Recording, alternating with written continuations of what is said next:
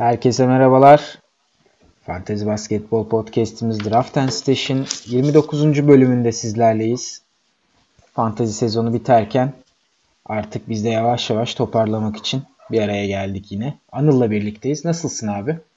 İyiyim abi sen nasılsın? Ben de iyiyim teşekkür ederim. Nasıl geçiyor abi NBA'de normal sezonun son günleri? Abi muhteşem geçiyor. Tam anlamıyla muhteşem geçiyor. Ee, Yakar Samson olsun. Ee, Walter Lemon Jr. olsun. Ee, başka kim vardı? Alex Caruso olsun. Ee, bu tarz yıldızları izlemek gerçekten çok keyif verici sezonun son bölümünde.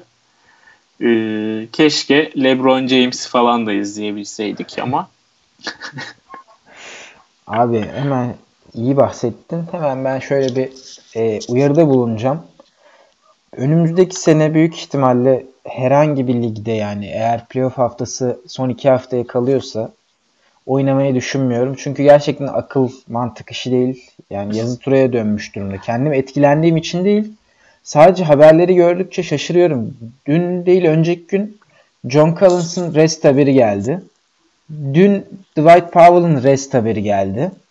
Çünkü çok yük bindi abi Dwight Powell'ın üstüne. Yani biraz dinlenmesi lazım. Dwight Powell gibi bir yıldızını Dallas sezonun bu kısmında playoff yarışından da kopmuşken e, yormak istemiyor. için hazırlanması lazım. Aynen.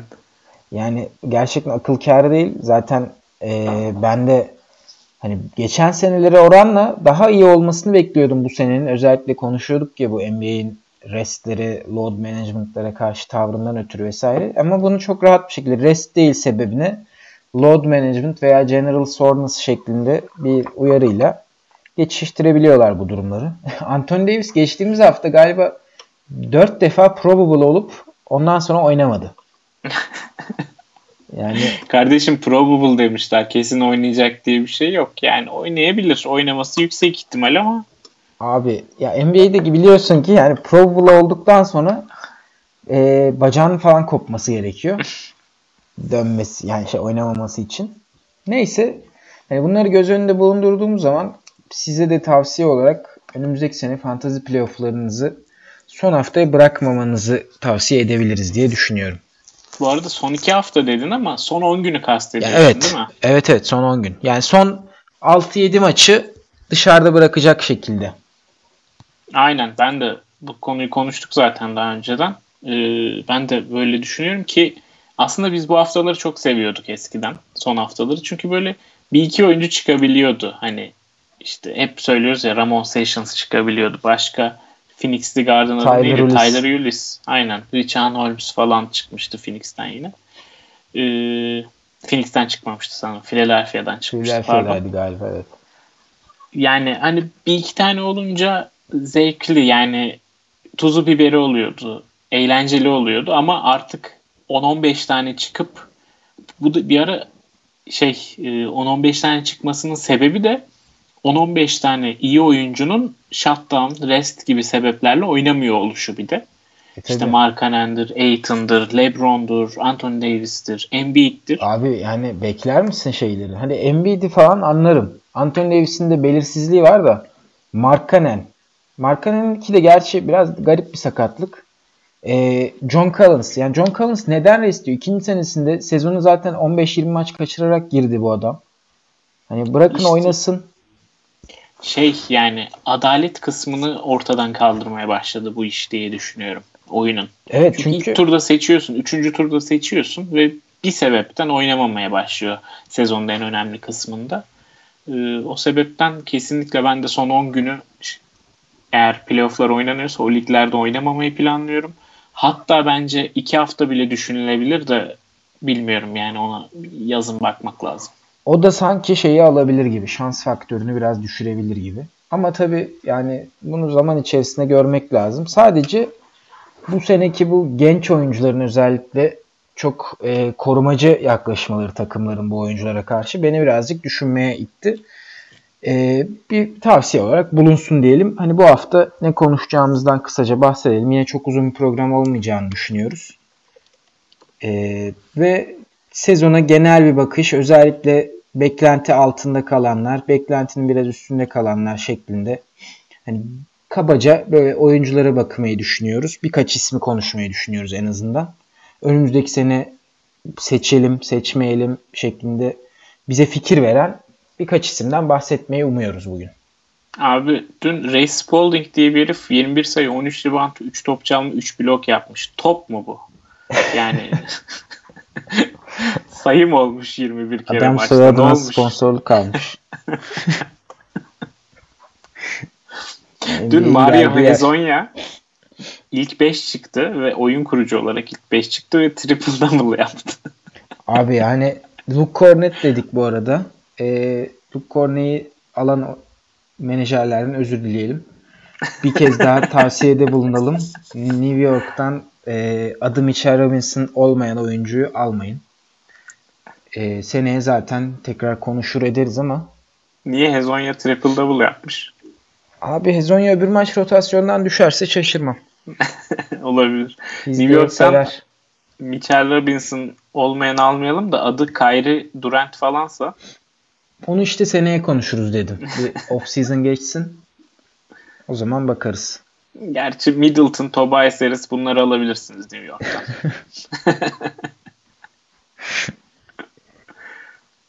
Abi evet sen bir giriş yap bakalım. Sen çünkü bu isimleri daha çok konuşmayı sevdiğin için Neyleri? bu e, özellikle bu seneden momentum alan veya bu sene ciddi bir şekilde momentum kaybeden oyuncuları seneye nasıl yansıyacağını, Ha, seneye okey. nereden seçeceğimizi veya nerelere, nelere dikkat edeceğimizi bahsedersen çok memnun oluruz. Tamam ben yine biraz önce bahsettiğimiz bir isimle başlayayım hemen Mitchell Robinson'la. Ee, yani New York'ta gelecek sezonun ilk beşini tahmin etmek imkansız. Hani gelecek yıldızlar gelecek mi gerçekten? Kaçıncı sıradan kimi draft edecekler?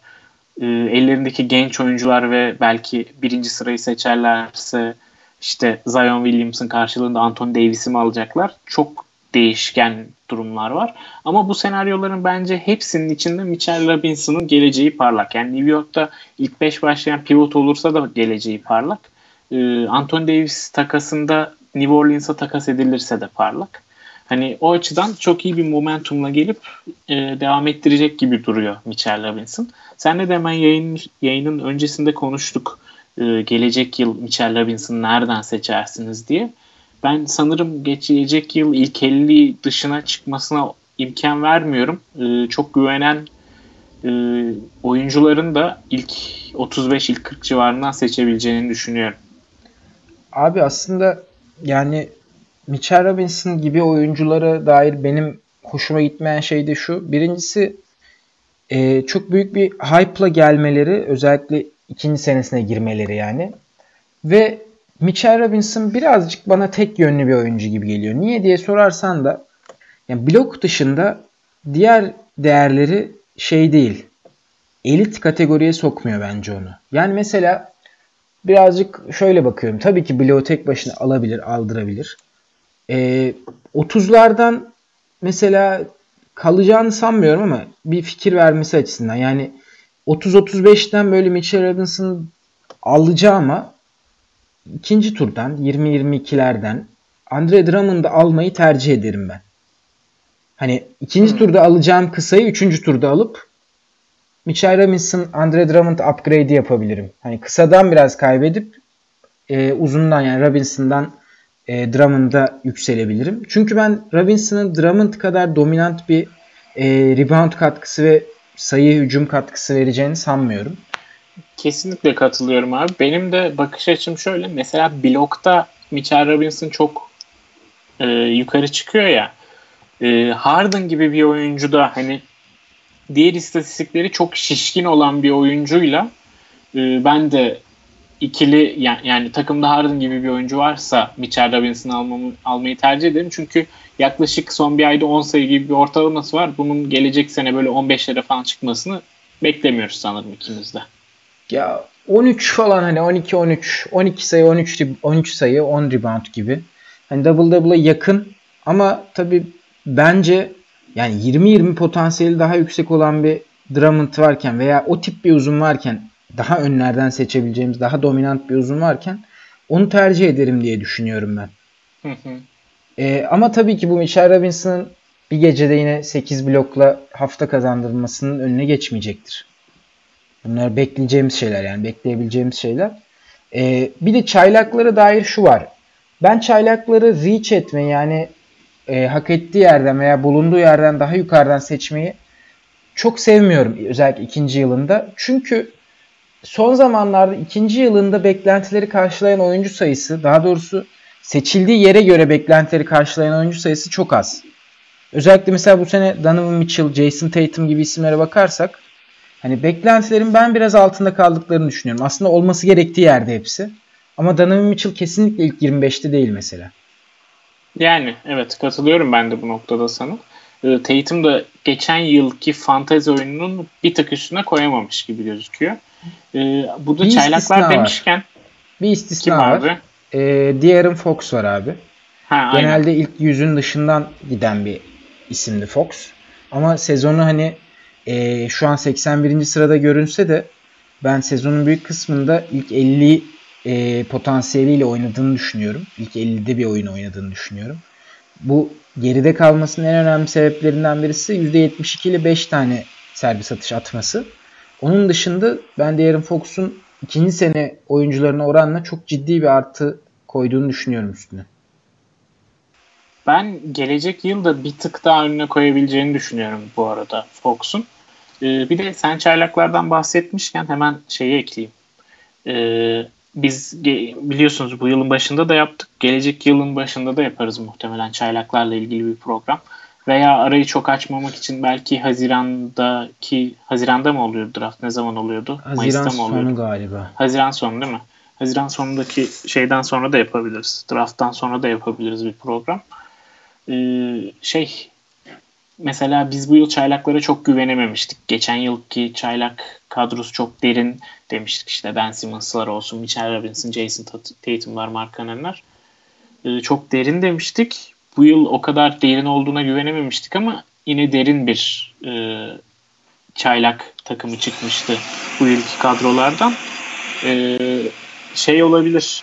Ben gelecek yılla çok fazla ümit bağlanmamış durumda. İlk 3, ilk 4 dışı zayıf deniyor e, bu yılın çaylak sınıfına ama ben çok derin olabileceğini düşünüyorum. O yüzden e, gelecek yılda bu yılkine benzer bir şey bekliyorum.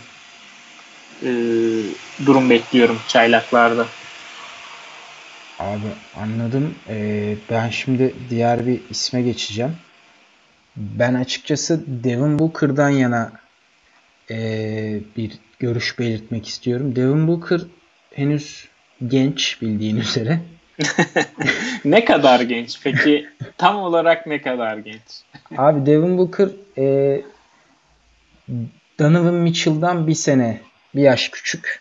Kendisi 22 yaşında henüz ve NBA'deki dördüncü sezonunu bitiriyor bu sene. Önümüzdeki sene de beşinci sezonunda olacak. Ya ben Devin Booker'ı son bir haftada yaptıklarının ötürü özellikle çok şey yapacağım. E, önereceğim.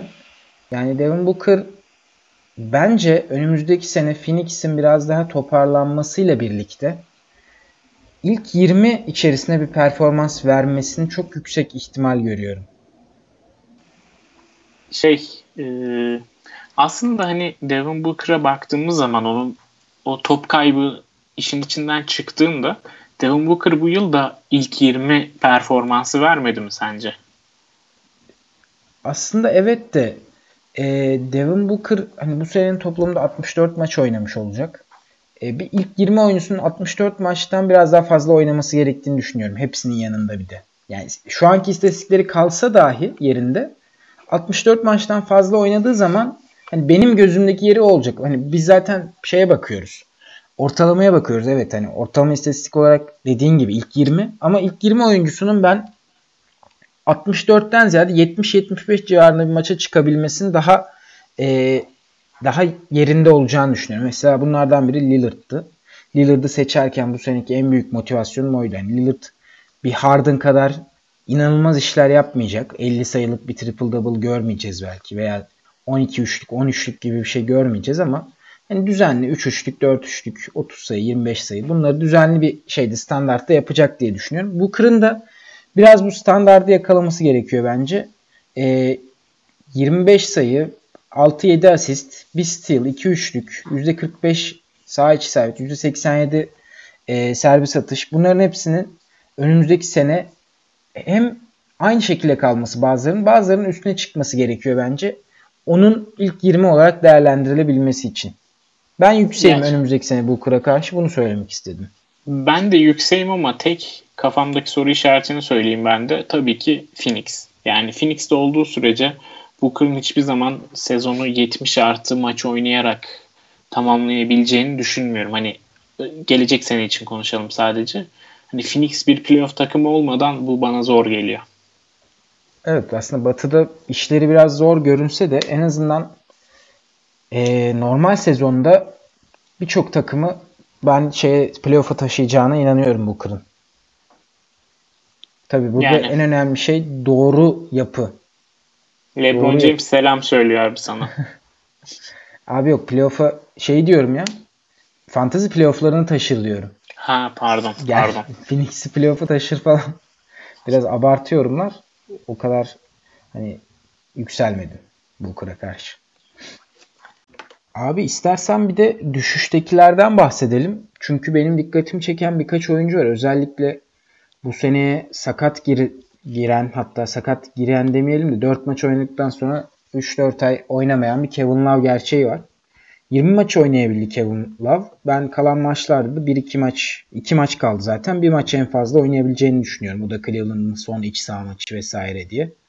Ee, ama büyük çoğunluğu tarafından draft edenlerin bir hayal kırıklığı olduğu kesin Kevin Love'ın. Önümüzdeki sene de ben draft etmekten kaçınacağım. Bu bir gerçek. Sen ne düşünüyorsun özellikle Love hakkında? Abi ben de katılıyorum. Ee, Cleveland'ın Love'ı takaslaması da zor. Ee, Cleveland'ın birkaç yıl içinde playoff yapması da zor. O yüzden hani Kevin Love uzun bir süre bence draft edilmeyecek oyuncular sırasında e, yerini ayırttı. E, bir de zaten injury prone hı hı. dediğimiz oyunculardan hani Kevin Love'a nasıl bakmak gerekir? Kevin Love'ı bırakın başkası draft etsin. Kevin Love'dan ne kadar ümitli olursanız olun. E, ve oyuncunun yere atmasını bekleyin ya da Kevin Love sakatla, sakatlandıktan sonra ucuza almayı düşünün gibi bir strateji izlemek lazım Love'la ilgili. Yani yatırımı Love'a değil de başka oyunculara yapmak en mantıklısı olacaktır diye tahmin ediyorum. Aynen, aynen. Ee, peki senin bahsetmiştin böyle draft edilmeyeceğini, draft etmeyeceğini düşünen oyuncuları not alıyordun.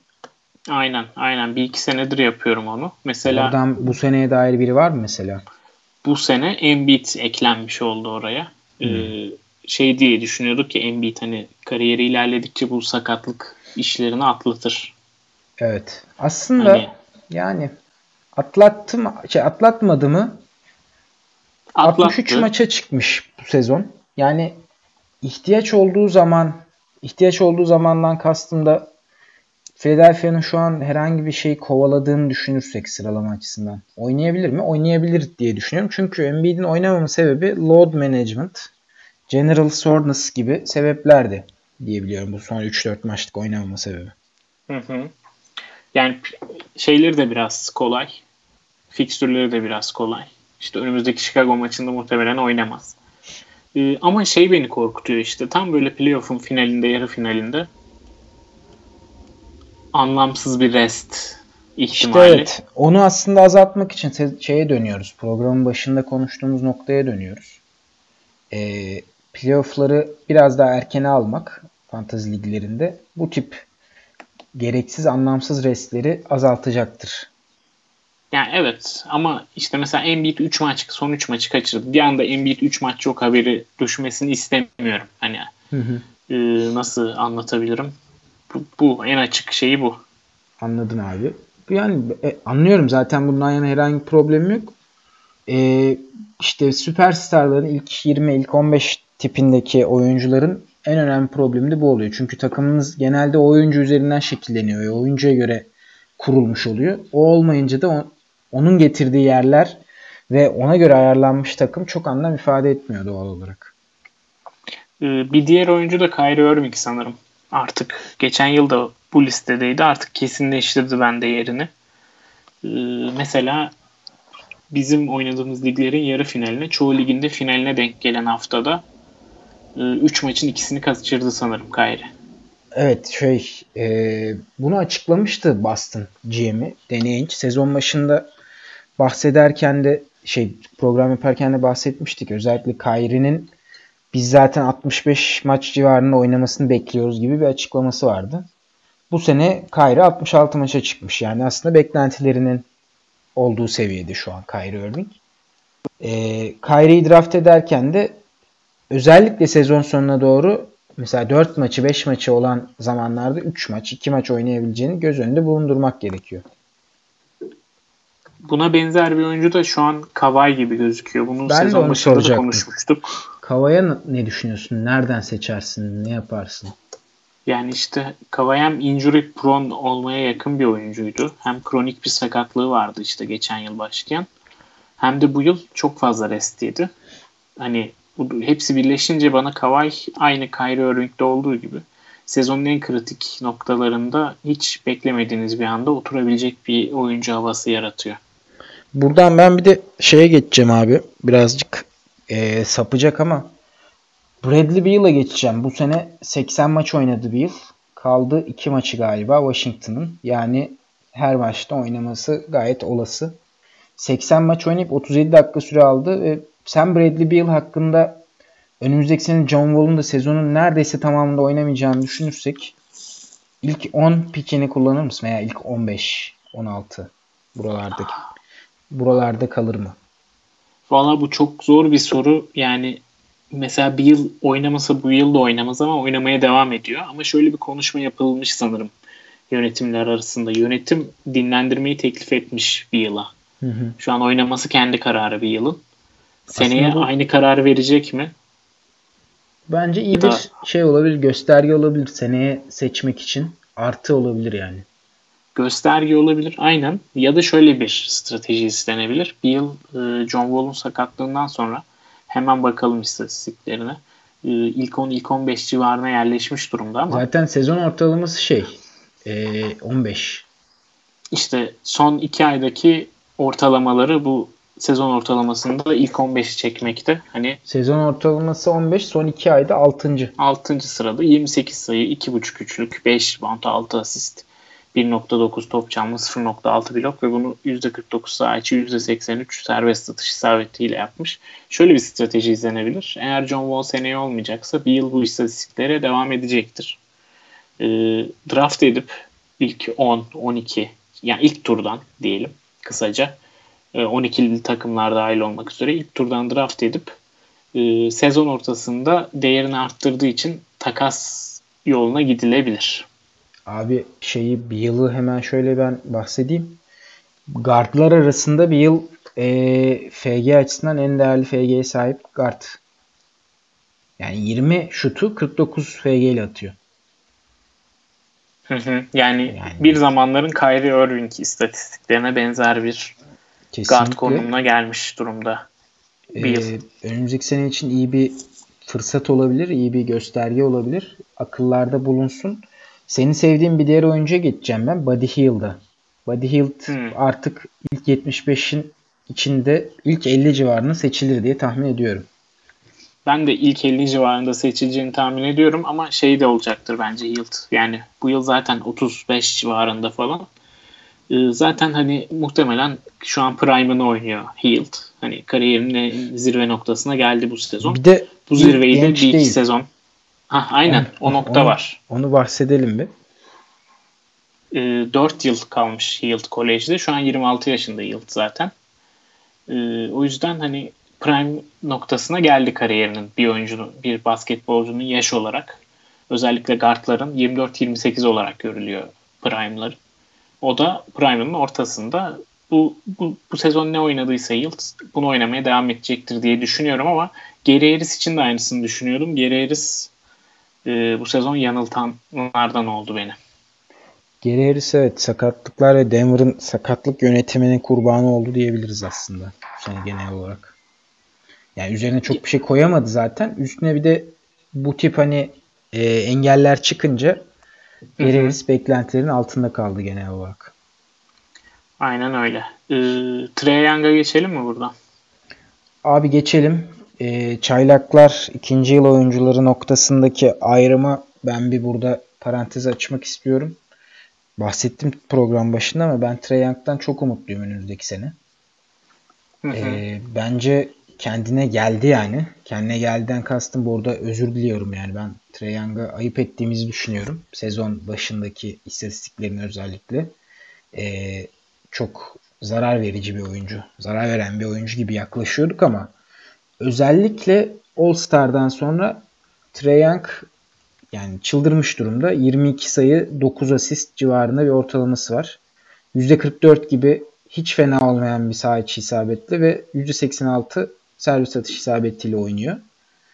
Ee, bu hani bana şey istatistiği gibi geliyor. Minik bir minik bile değil aslında Damian Lillard istatistiği gibi geliyor. Ya şey e, yan konusunda aslında o kadar da yanılmadık. Hani hala zararları var. 3.5 top kaybı gibi. E, tabii sadece yüzdesini arttırdı ama hala zararları var abi. Ama e, yararlarını yukarı çekince zararları göze daha küçük gelmeye başlıyor artık. Yani hani mutlaka bu sezonun başında hani turnover'ı puntluyorsanız, FG'nizi puntluyorsanız alın dediğimiz oyuncu. Artık seneye ilk 50 mi? İlk 50 içinde seçin. Ee, ona göre turnover'ı puntladığınız takımlarda daha da yüksek katkılar alabileceğiniz bir oyuncu deme kıvamına geldi bence. Bence de sıralama olarak da ilk 50 içerisi iyi bir sıralama bence. 3. turun 4.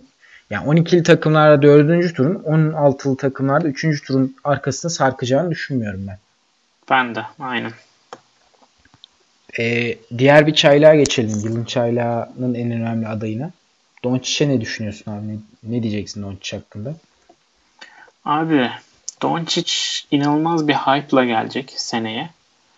Ee, ama şeyi unutmasınlar diyorum. Biraz bu Russell Westbrook için konuştuğumuz hani 3 kategoriye zarar veren ama diğer kategorilerde çok iyi olan oyuncu tipi Doncic. Yani top kaybı FG ve FT'ye zarar veren ki son 2 ayda maç başına 8 serbest atış denilmiş. Bunları %67 ile atmış. Bu Russell Westbrook seviyesi. Hani Russell Westbrook nasıl zarar veriyorsa FT'ye Doncic de o seviyede zarar veriyor şu an.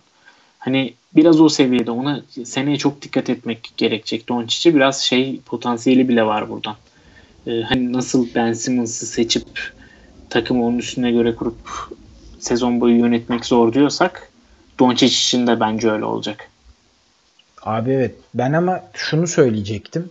E, Doncic'in ben sağ e, sağ içi değil serbest atış isabetlerine baktım. Özellikle Euroleague'de. Hı hı. Maç başı 5 deneyip 4 atıyor. Yani tam %80 şeyi yüzdesi. NBA'de biraz düşmüş bu sezon ortalaması 72 falan galiba ya da 74 müydü neydi? Bunun en büyük sebebi yorgunluk bence. Bence de çünkü yazın bir de turnuva oynadı. Üstüne NBA'ye geldi. Adaptasyon NBA'de Dallas tek başına tek başına değil mi en büyük yük onun omzunda. Hem daha fazla maç. Hem, hem daha, daha fazla, fazla dakika. Aynen. Hem daha fazla sorumluluk hem daha fazla dakika. Hepsi bir arada problem olabilir ama ben önümüzdeki sene bunun e, saat isabetinden ziyade servis atışlarının düzeltmesinin çok olası olduğunu düşünüyorum. Çünkü bu zaten iyi bir servis atış kullanıyordu Doncic. Ve bunu biraz daha yorgunluğa bağlamak daha doğru olacaktır. Ve servis atışı iyi atması artı tecrübelenmesi ligde ben Doncic'in Trae Young'ın üstünde ilk 30 civarında. Yani mesela biraz öncekinin bir tur yukarısı. 16'lı liglerde ikinci tur. 12'li e, liglerde üçüncü turun arkasında kalacağını düşünmüyorum Doncic'in. Ben de düşünmüyorum. Sadece biraz dikkat etmek gerekebileceğini düşünüyorum. Seneye yani bir backup planınız olsun Doncic'i seçerken. Yani bu adamın servis satış yüzdesi geçen yılki gibi olursa takım ne olur? Bunu bir düşünün. Mesela şey olabilir mi? Ee, ilk turdan bir şekilde Harden ve ikinci turdan Doncic. Yani, yani tabii ki olabilir. 28-30 civarından Doncic 16 liglerde 2-3'ten 1'den Harden. Tabii ki olabilir. Şöyle baktığınızda Doncic için serbest atışları Harden'ı törpülüyor, nötrlüyor.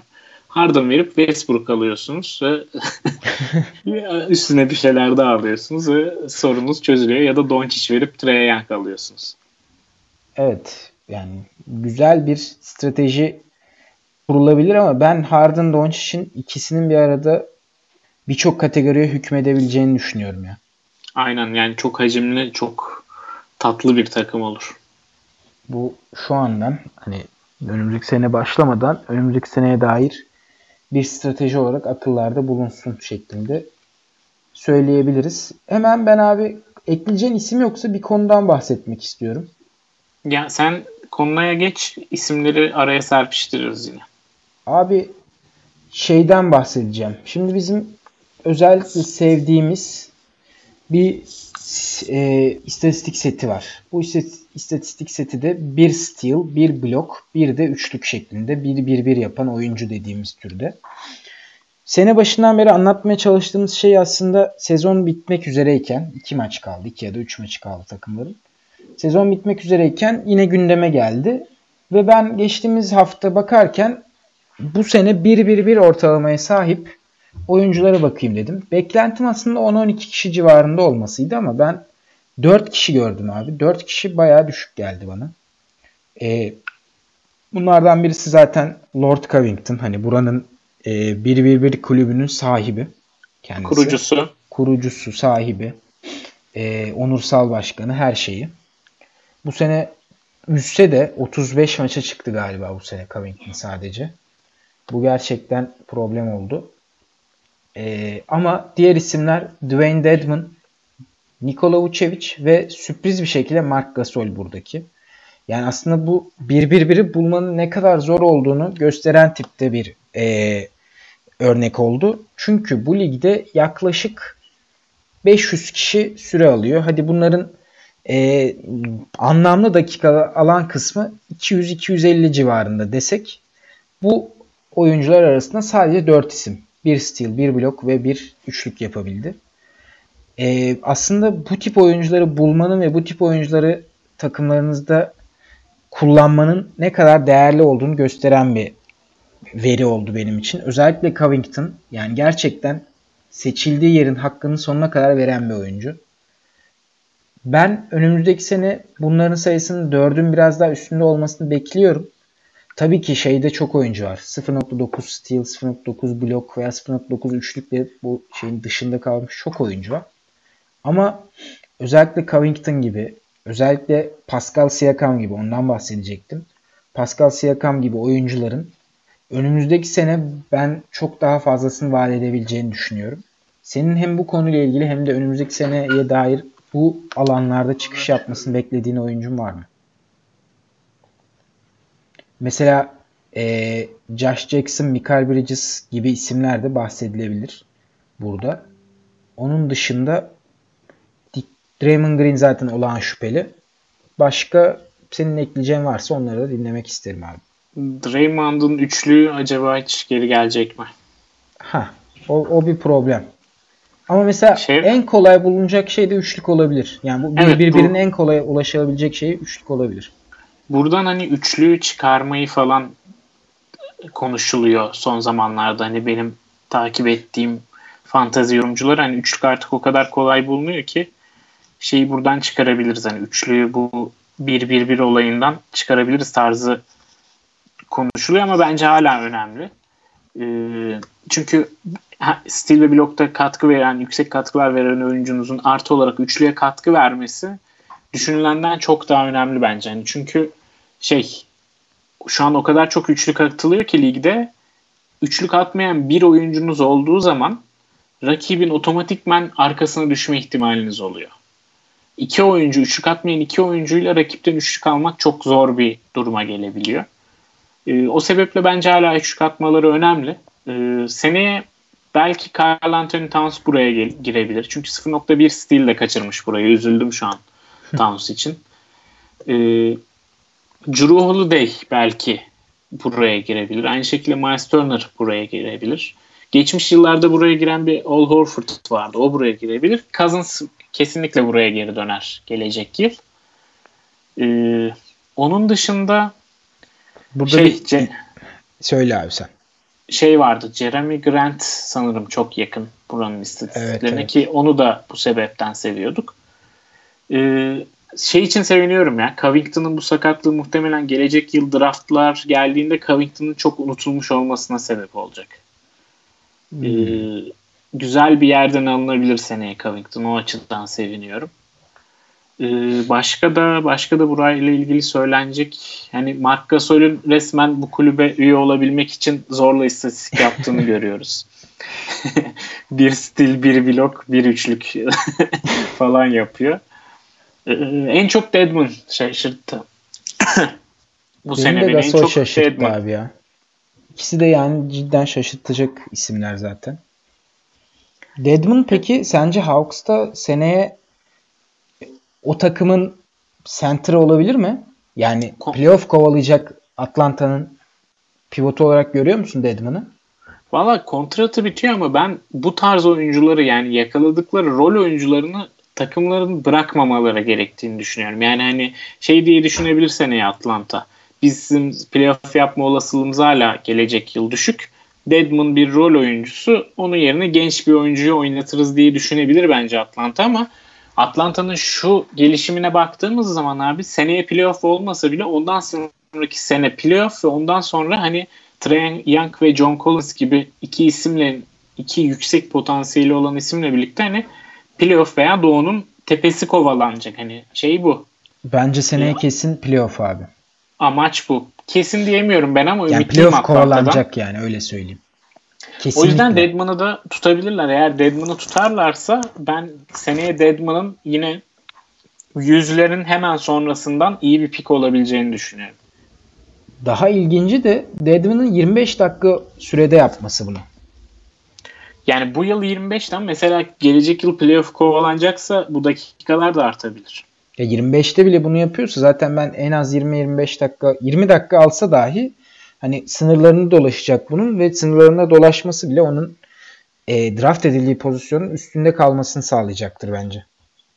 Şey ne diyorsun abi bu kulübe yakın oyunculardan Kelly Oubre Jr. O da 0.9 blok yapmış bu yıl oradan kaybetmiş. Onun problemi şey galiba. Yani probleminden ziyade onun kontrat durumu var galiba bu sene. Hı hı. Gideceği takım veya Phoenix'te kalacaksa Phoenix'teki e, diğer drafttan alacakları oyuncuya bağlı olarak ben Ubre'nin bu kulübe girebileceğini düşünüyorum. Phoenix'in bu şekilde kalması durumunda kesinlikle girebileceğine inanıyorum. Ama böyle ben olmayacağını biliyoruz ikimiz de Phoenix'in. Çünkü draft var. Üstüne bir de Ubre belki Phoenix'te kalıp kalmayı seçebilir, kalmamayı seçebilir. Zaman gösterecek ama dediğin gibi çok olağan şüpheli. Yani Ubre'ye kimin ne kadar ödeyeceği de önemli. Çünkü restricted.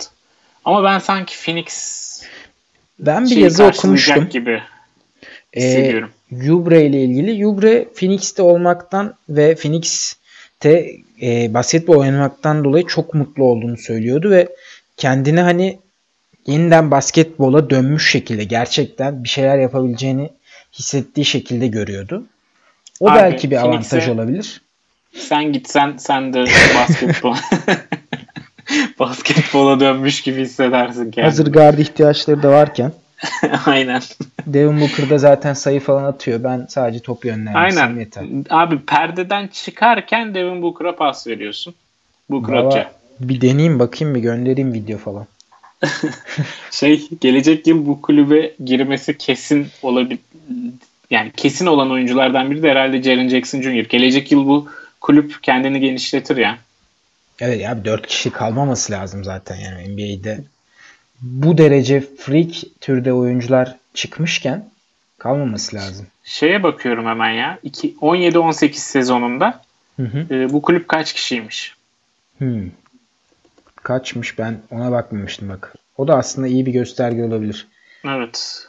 Orada 1, 2, 3, 4, 5, 6 kişi geçtiğimiz yıl bu kulüp. Ama bir tanesi Andre Ingram iki maça çıkmış sadece.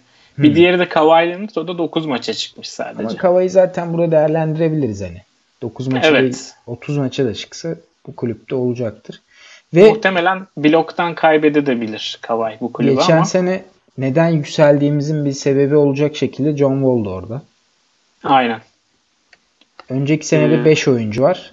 Durant, DeMarcus Cousins, Draymond Green, Robert Covington ve James Johnson. Aslında buradan e, Durant, Cousins, Draymond ve Robert Covington önümüzdeki senenin de olan şüphelileri olacaktır diye düşünüyoruz galiba. Cousins kesin döner. Durant de Golden State dışında bir takıma giderse döner diye düşünüyorum. Ee, burayı da yavaş yavaş kapatıyorsak ben Golden State'de bir parantez açmak istiyorum gelecek yıl için. Abi hemen bir e, şey vereyim. Ben 1-1-1 kulübünü ucundan kaçıran iki isim vereceğim ve kapatalım. 1.1 e, Steel 0.7 blok 1.5 üçlük A oyuncusu. 1 Steel 0.7 blok 1.6 üçlük B oyuncusu. Bu iki ismi e, tahmin etmeni bekliyorum senden. Bunu konuşmadık mı ya yayından önce? Şimdi dinleyicilerimizi mi kandıralım? Danışıklı dövüş. Abi Jason Tatum ve Andrew Wiggins e, bu alanlarda birbirleriyle neredeyse aynılar. E, ben sadece Andrew Wiggins'in Jason Tatum'dan iyi oyuncu olduğunu göstereceğini düşünüyorum. linç yeriz linç. Kes burayı şeyden sonra. Neyse işin şakası bir yana e, oyuncular ne kadar verimsiz de olsa bu tip istatistiklerde katkı sağlayabiliyorlar bir şekilde. Dikkat edin ve göz önünde bulundurun diyorum. Ee, o zaman Golden State özel kısmına geçelim. Ben geçen sezon Golden State ile ilgili bir not almışım. İşte normal sezon önemsemedikleri zaten biliniyor. Ama sezonun sonunda işte Curry, Durant, Clay ve Draymond'ın performansları da çok düşüyor şeklinde. Durant rezalet oynadı playoff'ları. Ee, belki de bizim eşleşmemizde bana en büyük ihaneti yapan oyuncuydu. Bir üçlük bir üçlük güzeldi. Aynen. Ee, bir, ya bir maçı son maç işte son gün şeye kaldı anlattık bunu geçen hafta zaten de işte Durant'in maçının bir, bir yarısı daha oynanacak. Hield bir maç oynayacak. KCP bir maç oynayacak. Ya Durant beni çıldırttı ya. Yani yani bir şey de yani sanki şöyle oynuyordu. Sanki maçtan önce Durant'e demişler ki sen, sen pek üçlük atma. Şut sen, kullanma. Sen anca sayı atıyorsun başka bir iş yapmıyorsun demişler Durant'e. Durant abi asist yapmak için bir insan bu kadar mı kasar kendini ya? Yani hani o sebeple hani zaten performansları da düşük oluyor. Clay Thompson sanırım son iki maçı kötü oynadı. Durant yine son maçlarını kötü oynadı. Bir tek Curry sadece bir maç kötü oynayıp kalanlarında gayet iyi performans gösteren bir oyuncu. Ben Trey Young'da da biraz bu Curry'de olan şeyi seviyorum. Bunun tam adını koyamıyorum ama böyle bir oynama yani yaratıcı bir şey yapma. O gün sahaya çıkıyorsa eğlenme ve oynama isteği var. Hani çocuksu bir şey var. Hem Curry'nin hem Trey Young'ın içinde. Onu seviyorum ben. Ee, bu da güzel bir hani açlık maç, var. Güzel bir açlık var aynen. Hiç dinmeyen bir açlık var. Bu da hani sezon maçın o maç ne kadar önemsiz olursa olsun e, istatistik kağıdını doldurmalarına engel olmuyor bu oyuncuların. Mesela Durant'e engel oluyor bu görebiliyorsunuz. Ama Curry'de öyle bir güzellik var. Sadece hani bundan sonra Durant'in kaldığı ihtimalden bahsediyorum. Curry'i ben düşünürüm Golden State'ten. E, Durant giderse bu, bu senaryo tamamen değişir tabii. Anladım abi. Ben de yani, yani güzel aslında. Curry'i ben de düşünürüm tabii de. Ama şey yani bu oyuncuların hepsini düşünürsün. Söylediğim şey gerçekten fantasy playofflarında tabii, tabii. Lay çıkmama. Lay laylom çıkmaması en yüksek ihtimalle oyuncu Curry maça. Katılıyorum ya ondan yani hani takılıyorum zaten de abi. Ben bu yazın biraz daha e, fantazi açısından işleri biraz daha keskinleştireceğini düşünüyorum. Bu sene sanki takımlar daha çok böyle dengeli ve paylaşımcı bir yapıdaydı gibi geliyor bana. Çok böyle Harden dışında Hard, hatta Antetokounmpo ve Harden dışında çok dengeli süperstar performansları gördük genelde. Ee, biraz daha önümüzdeki sene özellikle beklenen şeyler olursa Durant'in veya Kyrie'nin gitmesi bunlar olursa biraz daha böyle süperstarların takımı olan şeyleri izleyebileceğimiz ve fantezi açısından daha ilginç e, şeyler yakalayabileceğimizi düşünüyorum. Ben de düşünüyorum. Yani eğer Durant New York'a giderse mesela gelecek yıl ilk sıradan seçilecek oyuncu sayısı inanılmaz fazla. Yani Davis var nereye gideceğine bağlı Harden. Olarak. Harden var. Antetokounmpo var. Carl Anthony Towns çok iyi oynadı ve maç Şeyden kaçırmıyor. var. Maç kaçırmıyor. O yüzden Aynen. yani. Çok hem hem iyi oynuyor ilk 5 içerisinde Carl Anthony Towns hem de belki de bu ilk 5'teki oyuncular içinde maç kaçırmayacağına en çok güveneceğiniz isim olduğu için. Curry tekrar e, bu şeye dönecektir. Zaten Mutlaka. bu sezonda 3. bitiriyor. E, en son Durant olmadığında takımda neler yaptığını biliyoruz Curry'nin. E, Durant tekrar oraya dönüyor. Yani 6-7 isim saydık zaten şu ana kadar. İlk sıradan gidebilecek. Çok çeşitlendirecek eğer bu yıl beklediğimiz gibi geçerse NBA'in e, serbest oyuncu dağılımı. Aynen abi katılıyorum. Ee, ekleyeceğim bir şey yoksa da bu şekilde programı bitirelim diyorum. Haftaya büyük ihtimalle en son bir ödül dağıtarak sezonun son programını çekeriz diye düşünüyorum. Ekleyeceğim bir oyuncu var abi. Adebayo. Onu konuşmayı unutmuşuz. Aa, evet. Ee, Miami'nin sanırım ilk 5 pivotu olduğu kesinleşti artık Adebayo'nun. Seneye de bu şekilde başlayacaktır. Sanırım son bir içinde de zaten pivotluğu aldıktan sonra ilk 5'teki fantezi açısından da ilk 50 civarı bir performans sergiliyor. Beni en çok şaşırtan kısmı da maç başı yaklaşık 3-3,5 asisti oldu. Ee, bu konuda yetenekli olduğu belli Adebayo'nun. Ben üstüne koyarak seneye devam edeceğini düşünüyorum. Bir de Miles Bridges'tan bahsediyoruz zaten kaç programdır ama seneye Charlotte'ın ikinci oyuncusu olabileceği konusunda sanırım en fikiriz. Evet Charlotte bir şey de yapabilecek esnekliği yok.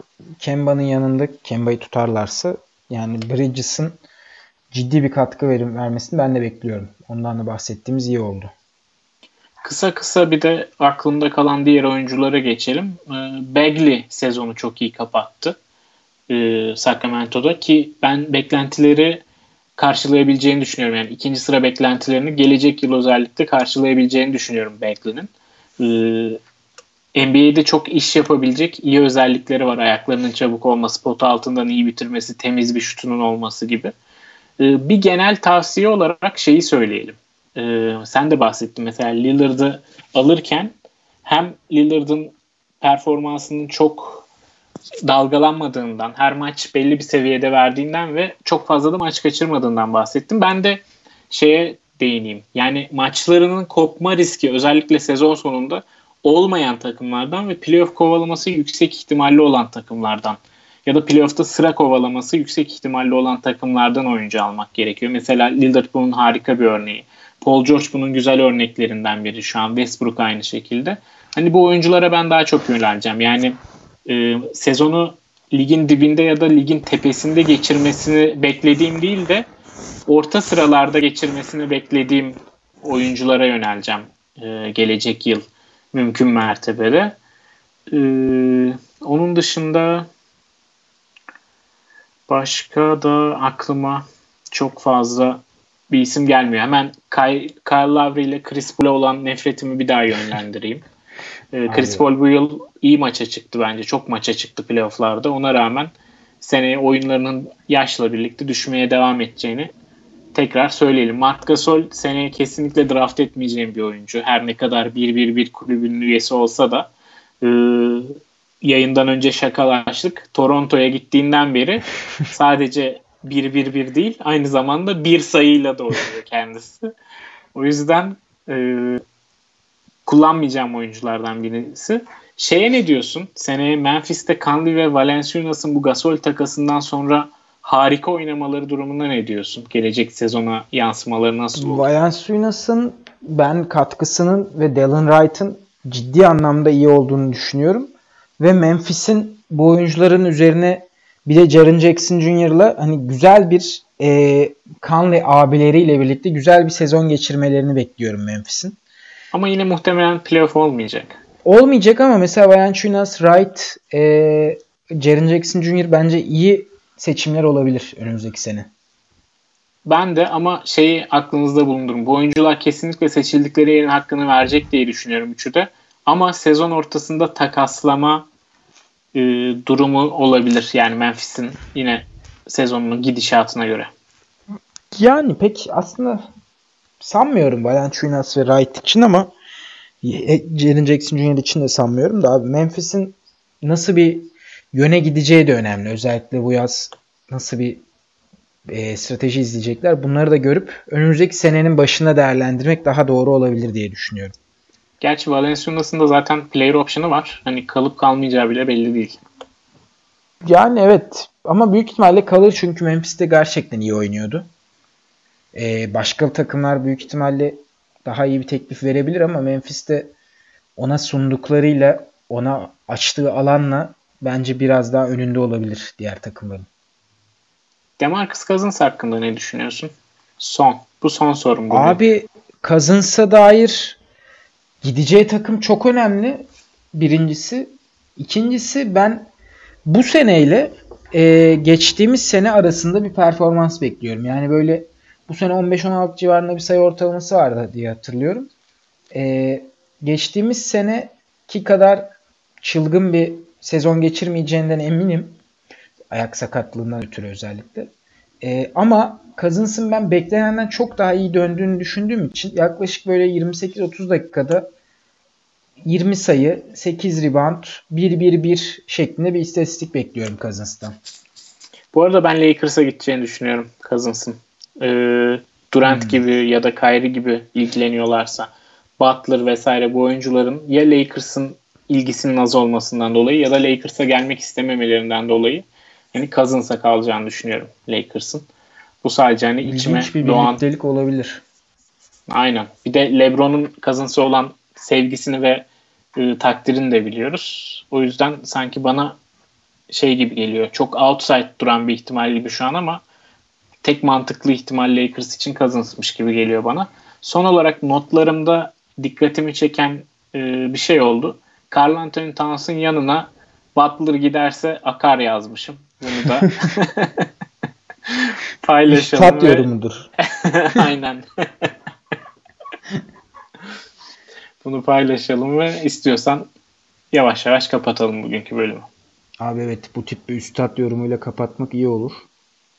Yorumu şey programı. Ee, teşekkür edelim. Önümüzdeki hafta görüşmek üzere diyelim. Önümüzdeki hafta büyük ihtimalle ödülleri dağıtıyoruz. Fantazi ödüllerini dağıtıyoruz ve sezonu kapıyoruz diye konuştuk. Umarım. Önümüzdeki hafta için şey de alabiliriz. Gelecek sezonla ilgili sorularınız varsa onları da alabiliriz. O da olabilir. Onları da konuşuruz mutlaka. Bu haftalık teşekkür edelim bizi dinleyenlere. Hoşçakalın. Hoşçakalın.